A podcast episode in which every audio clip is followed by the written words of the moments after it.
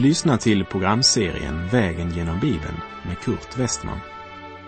Programmet sänds av Transworld Radio och produceras av Norea Radio Sverige. Slå gärna upp din bibel och följ med. Vi har kommit till Jeremia kapitel 38. Jeremia sitter fortfarande fängslad i palatsets vaktgård. Han fortsätter trofast att ropa ut för sitt folk vad Gud har uppenbarat för honom. Och han gör det med livet som insats. Eftersom Jeremia bland annat säger att den som ger sig åt kaldéerna ska vinna sitt liv, så är det några betydelsefulla personer som räknar honom som landsförrädare. Och vi ska lägga märke till att den pasur som omtalas i kapitel 38 är inte den samma pasur som i kapitel 20 lät gissla Jeremia och sätta honom i stocken i en av portarna i Herrens hus. För det var Pasur, Immers son, medan den Pasur som omtalas här i kapitel 38 är son till Malkia. Däremot så är det sannolikt att den Gedalja som omtalas här är son till prästen Pasur som i kapitel 20 av Jeremia blev kallad Magor Misbib därför att Herren skulle göra honom till skräck både för sig själv och sina vänner. Och han vill nog gärna hämnas sin far. Dessutom tror de att Jeremia är en landsförrädare eftersom han har profeterat att Babels kung ska vinna kriget och lägga Jerusalem i ruiner. Och sådana svärmare som tror att det man säger det sker, de existerar än idag. Men det sker ju inte därför att Jeremia har sagt det. Det är ju tvärtom. Jeremia säger det därför att Herren har uppenbarat att det är detta som ska ske. Jeremia var ju Herrens tjänare Jeremia kunde ju inte själv bestämma budskapet. Men det förstod ju inte sådana som aldrig lyssnade till vad Herren talade. Utan de trodde om Jeremia förkunnar framgång för oss, då står han på vår sida. Men om han förkunnar framgång för fienden och olycka för oss, då står han på fiendens sida. Ett folk som avfallit från Gud förstår inte att Herrens profet står varken på det ogudaktiga Jerusalems sida eller på det hedniska Babylons sida. Han står inte på någon sida. Han går Guds ärende och står under Guds kommando. Men den som inte leds av Guds ande har ingen annan ledstjärna än den som heter på sig själv känner man andra. Men som jag sa i ett tidigare program, ibland stämmer det inte alls. Vi läser Jeremia 38, verserna 1 till och med 6. Sefatja, Mattans son och Gedalja, Pasurs son och Jukal, Selemjas son och Pasur, Malkias son, hörde vad Jeremia sade till allt folket. Så säger Herren, den som stannar kvar i denna stad, han skall dö genom svärd eller hunger eller pest. Men den som ger sig åt kaldéerna, han skall få leva. Ja, han skall vinna sitt liv som ett byte och få leva. Ty så säger Herren, denna stad ska överlämnas åt den babyloniske kungens här och han skall inta den. Då sade förstarna till kungen, den här mannen bör dödas. Han gör ju soldaterna som lämnats kvar i staden, liksom allt folket i övrigt, modlösa genom att tala så till dem. Han söker inte folkets välfärd utan dess olycka. Kung Sidka svarade, se, han är i er hand. Kungen förmår inget mot er. Då tog de Jeremia och kastade honom i kungasonen Malkias brunn på fängelsegården. De släppte ner Jeremia med rep. I brunnen fanns inget vatten men dy och Jeremia sjönk ner i dyn. Juda styrs av en kung som tillhör den kategori politiker som kan stå upprest utan ryggrad. Han var som ett strå som vajar hit och dit i vinden, beroende på vilken väg vinden blåser. Likt Pilatus så visste även kung Sidkia att det var inte Jeremia som var problemet. Men Sidkia var inte intresserad av hur rättfärdigt hans domslut var. Bara vilken effekt det fick på människorna runt omkring. Men han ska snart bittert få erfara att den sanning som han i ögonblicket inte vågar se i ögonen kommer att knivhugga honom i ryggen om en liten tid. Sidkia utelämnade Jeremia. Och vi kan säga att genom Jojakims ondska och Sidkias svaghet överflödade ogudaktigheten alla breddar i Jerusalem. Och Jeremia fiender sänker ner honom i en brunn där Jeremia sjunker ner i dyn. Hans liv är slut innan solen går ner.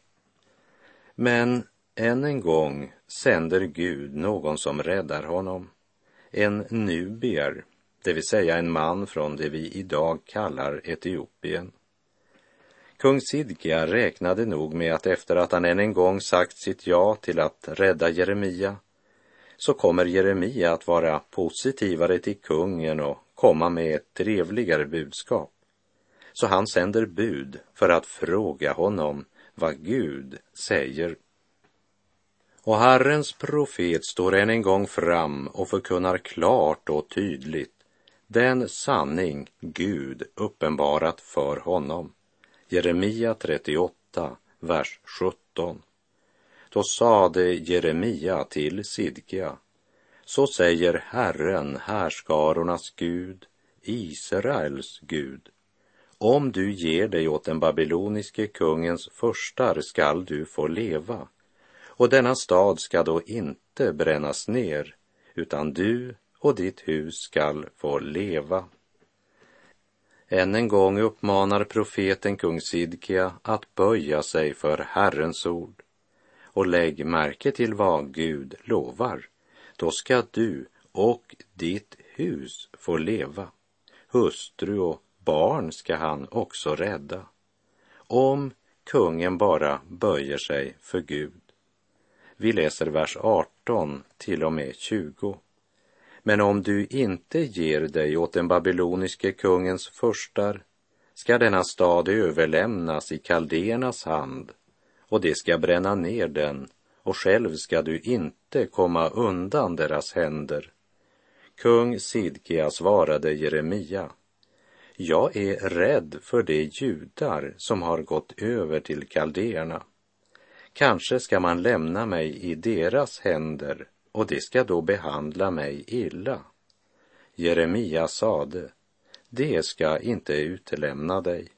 Lyssna nu till Herrens röst i det jag säger till dig, så ska det gå dig väl och du ska få leva. Sidke hade uppenbart politiska fiender som inte var eniga då Sidkia vägrade överge sig till Babels kung trots de svåra förhållanden som rådde innanför murarna under belägringen. Försök att tänka dig in i deras situation. Brödet var slut. Många hade redan svultit ihjäl eller led av de olika epidemier som spred sig. I en stad där gatorna efterhand fylldes av avfall och sopor Avmagrade och hungriga passerade man döda eller det som var dödande. Och Jeremia hade förkunnat att den som övergav sig till kaldéerna, han skulle överleva.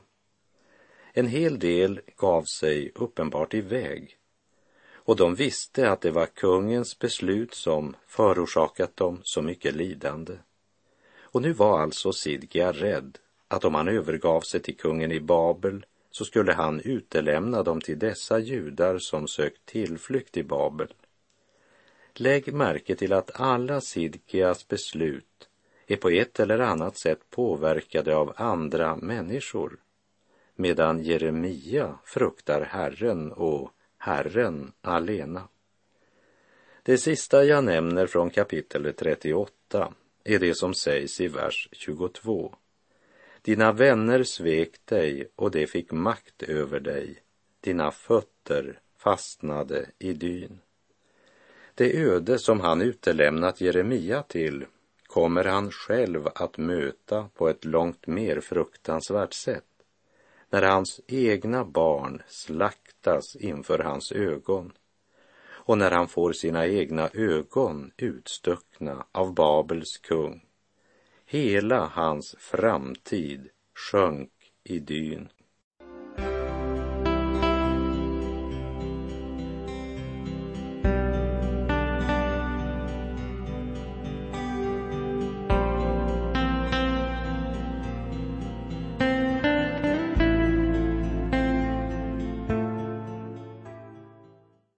kungen, förstarna, prästerna och folket i Jerusalem och Juda, de lyssnade till många olika profetröster och de var redo att tro stort sett vad som helst utom Herrens profet.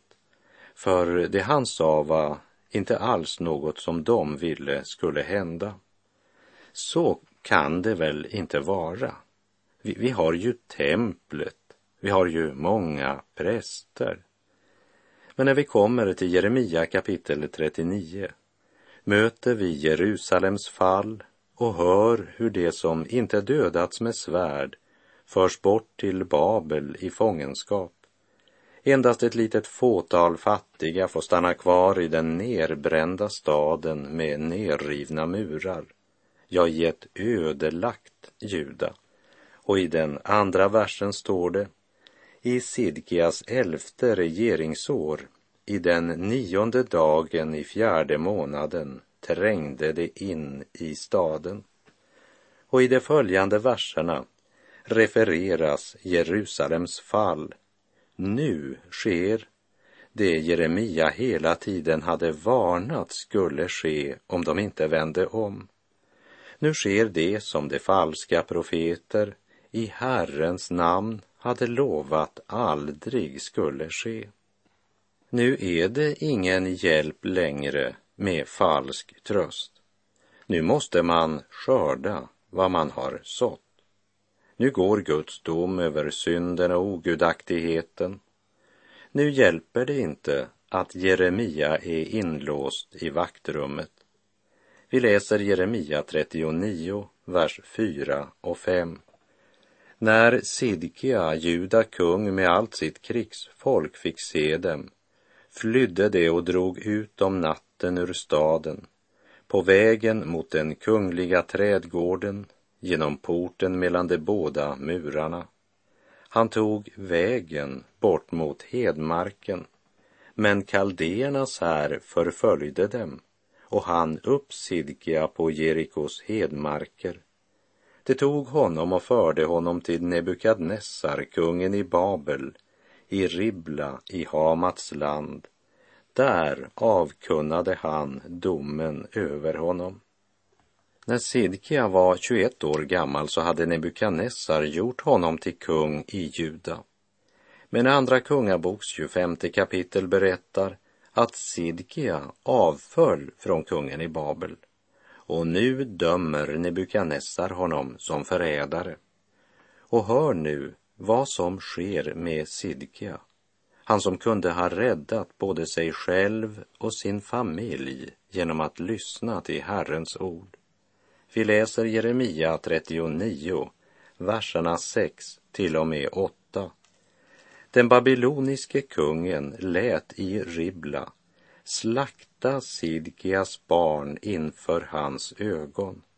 Också alla förnäma män i Juda lät kungen i Babel slakta. På Sidkia själv lät han sticka ut ögonen och lät binda honom med kopparkedjor för att föra honom till Babel. Kaldéerna brände ner kungens hus och husen som tillhörde folket och de rev ner Jerusalems murar. I det sista kapitlet av Jeremia bok, kapitel 52, ges en tillbakablick på templets förstöring och judarikes undergång. Det kan du läsa efter programmets slut. Jag läser Jeremia 39, vers 9 och 10. Återstoden av folket som var kvar i staden, de överlöpare som hade gått över till honom och det övriga folket, förde Nebusaradan, översten för drabanterna, bort till Babel. Men Nebusaradan, översten för drabanterna, lämnade i Juda land kvar en del av de fattiga, det som ingenting ägde, och gav dem samtidigt vingårdar och åkerfält. Det Jeremia hade predikat i 30 år, det var nu inte längre en framtidsprofetia, nu var det verklighet. Jerusalem var nu bara en ruin och livet var allt annat än lätt för det som fick bli kvar i det ödelagda och härjade landet. Jeremia 50.17 säger Israel är ett vilsekommet får som jagas av lejon. Först slukade kungen i Assyrien det och till slut har Nebukadnessar gnagt dess ben. Det är intressant att lägga märke till att Nebukadnessar ger order om att Jeremia ska friges och att han själv ska få bestämma hur han ska ha det och var han ska vara. Vi läser Jeremia 39, verserna 12 till och med 14. Tag hand om honom och låt ditt öga vaka över honom och gör honom inte något ont, utan behandla honom som han själv begär av dig. Nebusaradan, översten för drabanterna, och Nebusasban, överste hovmannen och Nergalsareser, överste magen, och alla den babyloniske kungens övriga stormän sände då bud och lät hämta Jeremia från vaktgården och lämnade honom åt Gedalja, son till Ahikam, son till Safan, för att denne skulle föra honom hem och han fick bo bland folket. Och här börjar den tid som Jesus kallar för hedningarnas tider. Han sa, de ska falla för svärdsägg och föras bort som fångar till alla hedna folk. Jerusalem kommer att trampas ner av hedningarna tills hedningarnas tider är fullbordade, som det står i Lukas 21.24. Och hedningarna trampar fortfarande ner Jerusalem. Där Salomos praktfulla tempel en gång stod är det nu en muslimsk moské och en troende jude får inte ens lov att gå in på det området och be till Gud. Så Jesu ord i Lukas 21, de är fortfarande högst aktuella. Det är svårt för den nuvarande generationen att godta och erkänna Guds dom och att inse att den domen kan komma över en nation, över en familj eller över en enskild människa. Cirka 40 år hade Jeremia ropat ut Guds budskap. Han fördömde folkets synd och kallade dem till omvändelse. Gud hade länge visat dem stort tålamod, men Guds långmodighet drev dem inte till omvändelse utan de förhärdade sina hjärtan. Förblindade av synden och av sina egna hjärtan uppfattade de Guds tålamod som att det inte var så allvarligt att synda. De blev helt enkelt bedragna av de falska präster och profeter som utnyttjade Guds tålamod till att säga Ser ni inte att det som Jeremia försöker skrämma oss med, det sker inte? Men nu har det skett och nu är det för sent att vända om.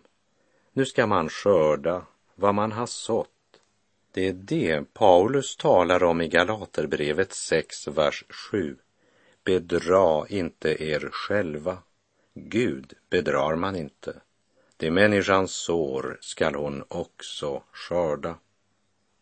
Hela mänskligheten vill helst inte höra talas om Guds dom. Människan har svårt att förstå att det kommer till en gräns då Guds vrede är väckt och han straffar synden.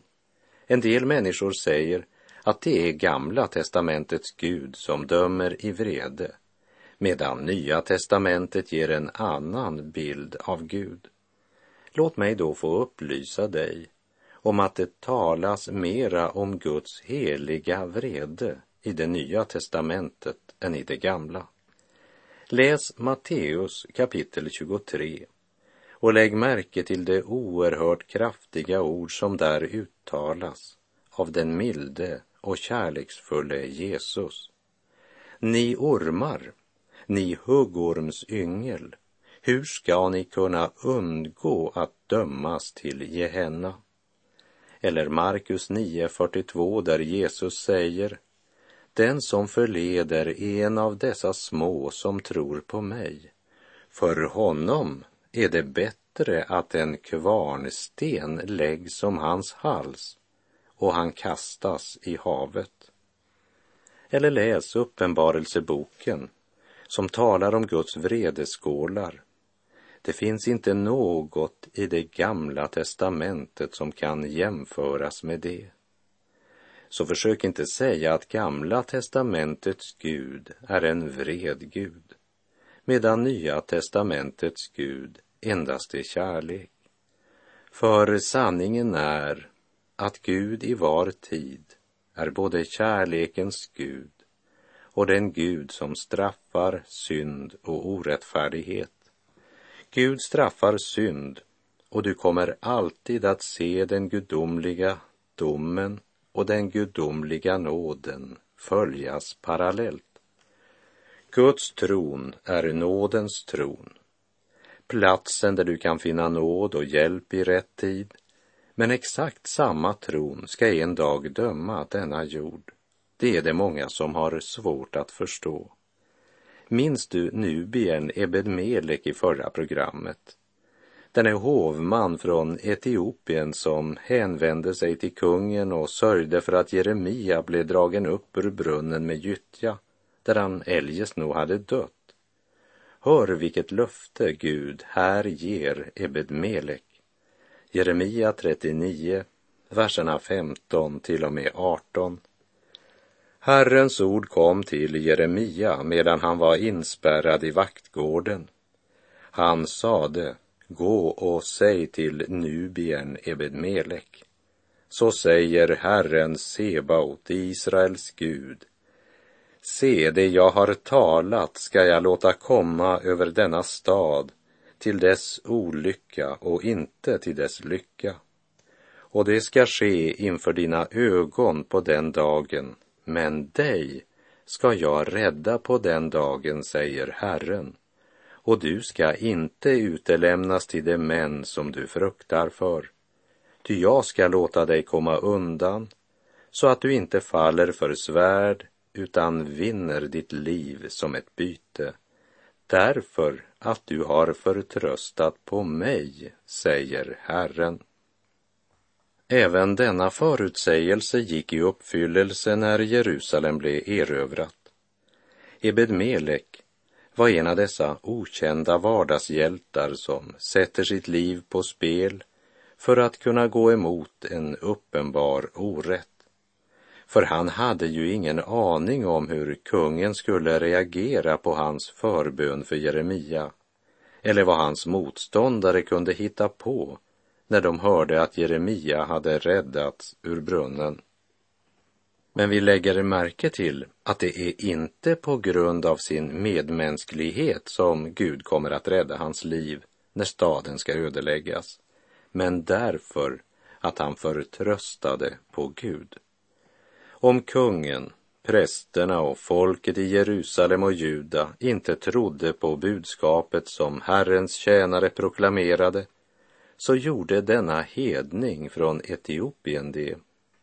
Ebed Melek handlade i Guds fruktan, inte först och främst för att få någon eventuell belöning, men därför att det var rätt.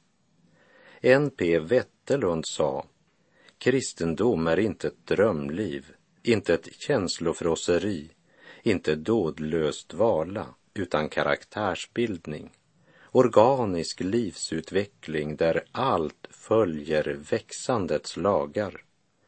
Evangelium är ett ljuvligt och glatt budskap om att kunna bliva och vara en verklig människa.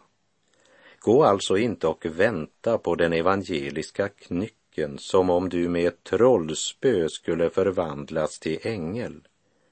Gå i livets skola Förakta inte dess plikter och otaliga små bestyr, för genom dem formas du för evigheten. Så långt N.P. Wetterlund. Ebed Melek fruktade Gud och handlade därefter. Han lyssnade till Jeremia budskap, följde samvetets röst och handlade därefter, oberoende av vilka konsekvenser det kunde få för honom. Det är det som kallas att frukta och ära Gud. Men dig ska jag rädda på den dagen, säger Herren, och du ska inte utelämnas till de män som du fruktar för. Ty jag ska låta dig komma undan så att du inte faller för svärd utan vinner ditt liv som ett byte, därför att du har förtröstat på mig, säger Herren. I Johannes uppenbarelsebok 3.8 står det jag känner dina gärningar. Se, jag har låtit en dörr stå öppen för dig, en dörr som ingen kan stänga. Ty din kraft är ringa, men du har hållit fast vid mitt ord och inte förnekat mitt namn. Vår Gud är oss en väldig borg. Han är vårt vapen trygga. På honom i all nöd och sorg vårt hopp vi vilja bygga. Mörkrets förste stiger ned, hotande och vred. Han rustar sig förvisst med våld och argan list. Likväl vi oss ej frukte. Guds ord och löfte skall bestå, vi det i hjärtat bär, för himmel ej för jord vi gå, till strid så glada är. Och med det så är vår tid ute för den här gången. Herren vare med dig. Må hans välsignelse vila över dig. Gud är god.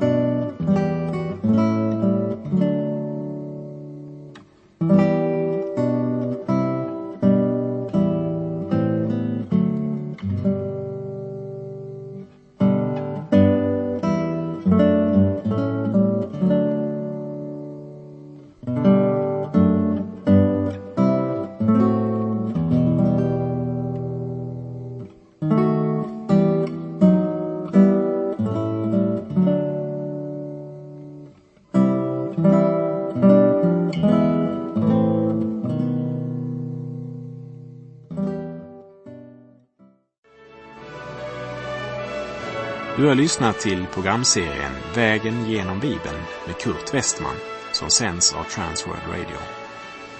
Programserien är producerad av Norea Radio Sverige.